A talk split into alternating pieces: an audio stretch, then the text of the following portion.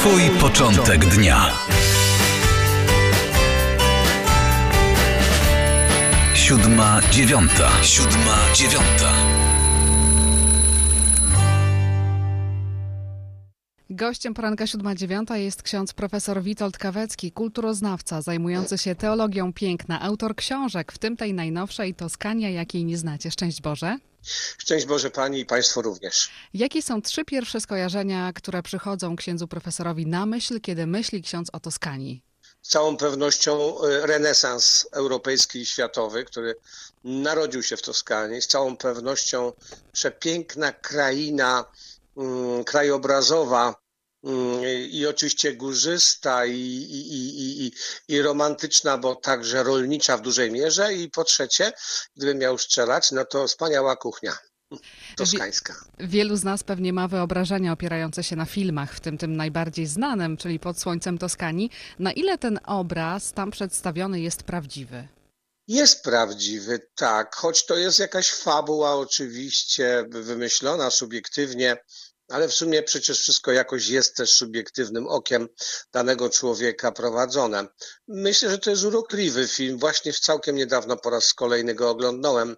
Toskania, jaką widzimy, Toskania przede wszystkim ta architektoniczna, której można tylko przebudowywać budowle istniejące, a więc reżim, można powiedzieć, architektoniczny, w którym nie buduje się byle co i byle jak, tylko przetwarza się czasem nawet średniowieczne zameczki, zamki, budynki, kamienice.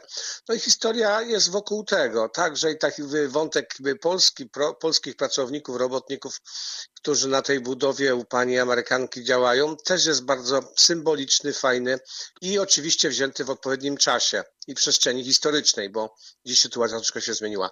Ale generalnie e, ten film sprawił, że Toskania stała się jeszcze większym topem turystycznym i artystycznym w Europie. I pytanie, czy są tam w takim razie miejsca niezadeptane przez turystów? Skala turyzmu w Toskanii jest ogromna, no bo cały świat się zjeżdża do Toskanii. Oczywiście to w zależności teraz, gdzie jesteśmy, gdy jesteśmy gdzieś spokojnie e, w przestrzeni, w plenerze, w górach, w Apeninach, nad morzem, e, jeszcze dzikim, e, to rzeczywiście stosunkowo nie odczuwa się aż tak bardzo ilości turystów. No ale gdy jesteśmy oczywiście we Florencji, Sienie czy w Lucca, Arezzo czy w Cortonie i to jesteśmy w top szczycie turystycznym, to rzeczywiście momentami może być trochę nieprzyjemnie. Dlatego dla tych, którzy wybierają się do Toskanii, bardziej radziłbym y, okresy takie pozasezonowe. Istnieje coś takiego jak klimat miejsca czy styl życia ludzi zamieszkujących e, pewne miejsca. Jacy są i jak żyją Toskańczycy? No właśnie cały pierwszy rozdział tej książki, bo książka jest napisana w ten sposób, żeby mogła służyć tym, którzy wyjadą jako podręcznik w wskazanych miejscach, albo też wirtualnie siedząc w fotelu, popijając kawę, można czytać i oglądać 140 fotografii, w tym niektóre moje, które znajdują się w środku. I także w sposób pandemiczny, nie ruszając się z domu, można naprawdę zobaczyć Toskanię. No tak, dużo poświęcam mm, miejsca ludziom, bo ludzie są cudowni, choć nie zawsze łatwi. Toskańczycy to w sumie prosty naród, wywodzący się od Etrusków, e, słynnego ludu tysiąc lat przed Chrystusem, już będącego na ziemiach włoskich. Prawdopodobnie jest to autochtoniczny e, jednak lud, który tam zawsze zamieszkiwał e, z kulturą willanowiańską, czyli takiej Villanowa miejsca, miejscowości, miasteczka blisko Bolonii, który był bardzo wrażliwy, bardzo elegancki, bardzo zdolny i tak to jest do dzisiaj. Kiedy studiuje się sztukę Etrusków, a Etruskowie, nazywani też Tuskowie, dali nazwę dzisiejszej Toskanii. Etruskowie nic dziwnego, że ta ziemia zrodziła tak znakomitych artystów i myślicieli, filozofów, Michał Anioł, Leonardo da Vinci, Piero della Francesca, e, Fra Angelico i, i setki innych, dlatego że sami Etruskowie byli niezwykle e, zdolni. To oni wprowadzili w kulturę e, Imperium Rzymskiego właśnie i budownictwo, i akwadukty, i budowę mostów, ale także sztukę. Po, po prostu był znakomity lud i, i, i potomkowie tego ludu w jakimś sensie już oczywiście dzisiaj to są mieszkańcy Toskanii, pracowici, wszechstronni, bardzo rodzinni, przyjemni, religijni okazuje się wciąż, kochający swoją ziemię i swoją tożsamość, niezależni oczywiście, wolnościowcy, dlatego też Toskania krwawo niekiedy była e, dzielona i walczyły między sobą e, miasta poszczególne, jak Pisa i, i Florencja, czy Siena i Lucca. No ale suma summarum, e, myślę, że każdy może się poczuć jednak dobrze w Toskanii. Książka nie jest po prostu przewodnikiem i bardzo dobrze przedstawia nam ksiądz profesor największych Toskańczyków, takich jak wspomniani już Michał Anioł, Fra Angelico czy Leonardo da Vinci. Czy to, że oni pochodzili właśnie z Toskanii, miało znaczenie dla ich sztuki, wpływało na to, co chcieli przekazać światu? Ale rzeczywiście i dlatego też mój pomysł na tą książkę nie jest zwyczajnym przewodnikiem po prostu po Toskanii, bo to jest topowy fragment ziemi włoskiej, światowej turystyki.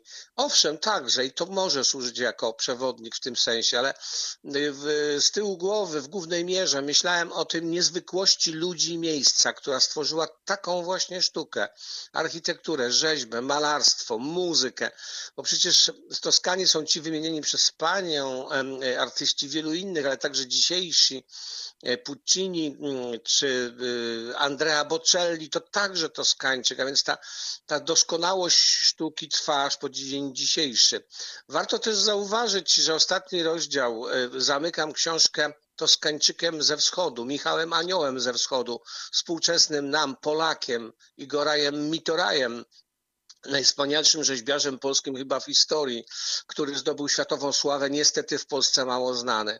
On spędził 40 lat w Pietrasanta, typowym miasteczku, właśnie tam od tego e, marmuru znakomitego, białego, pięknego, kalabryjskiego I, i, i, i, żył 40 lat i tworzył i nawet wybudowano mu, prawdopodobnie już skończony w tym roku, Muzeum Sztuki Igora Jamitoreja. Warto też zahaczyć o to, bo sami Włosi nazywają go Michałem Aniołem współczesności. Czy to właśnie Toskanie widzimy w tle najbardziej znanego portretu świata, czyli Monelizy?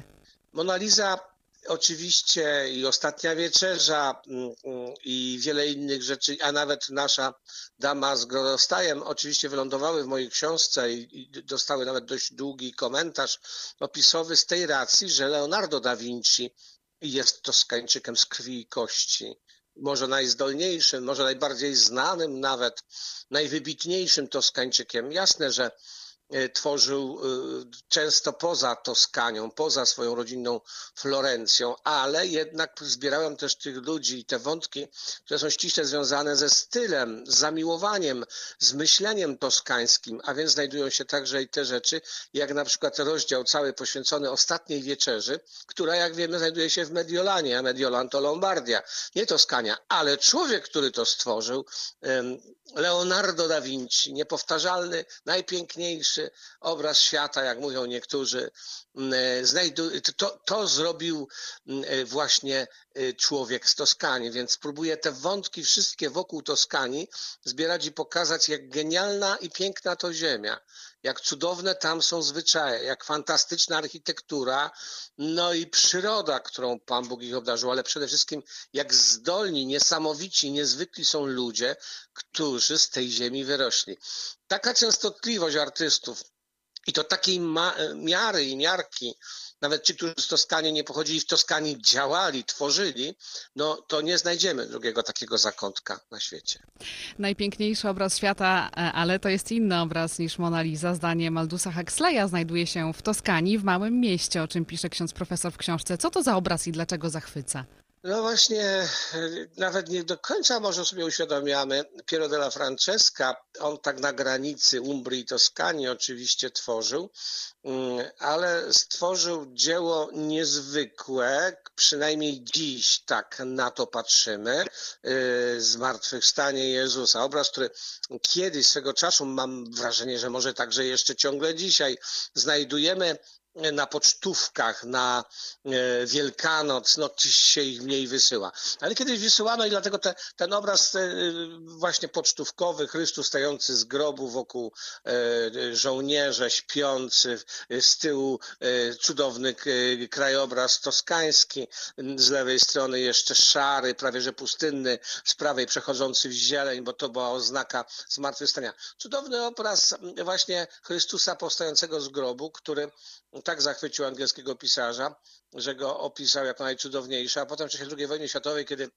alianci bombardowali, jakby nie było sprzymierzone wojska włoskie z niemieckimi, no to oszczędzono to miasteczko i oszczędzono ten obraz właśnie ze względu na ten obraz, e, ponieważ e, już wieść o nim się roznosiła po całej okolicy. No warto wstąpić tam, żeby go zobaczyć. I to jest niesamowite, ale wchodząc w Toskanii do małych kościołów czy do muzeów diecezjalnych możemy obcować ze sztuką największych.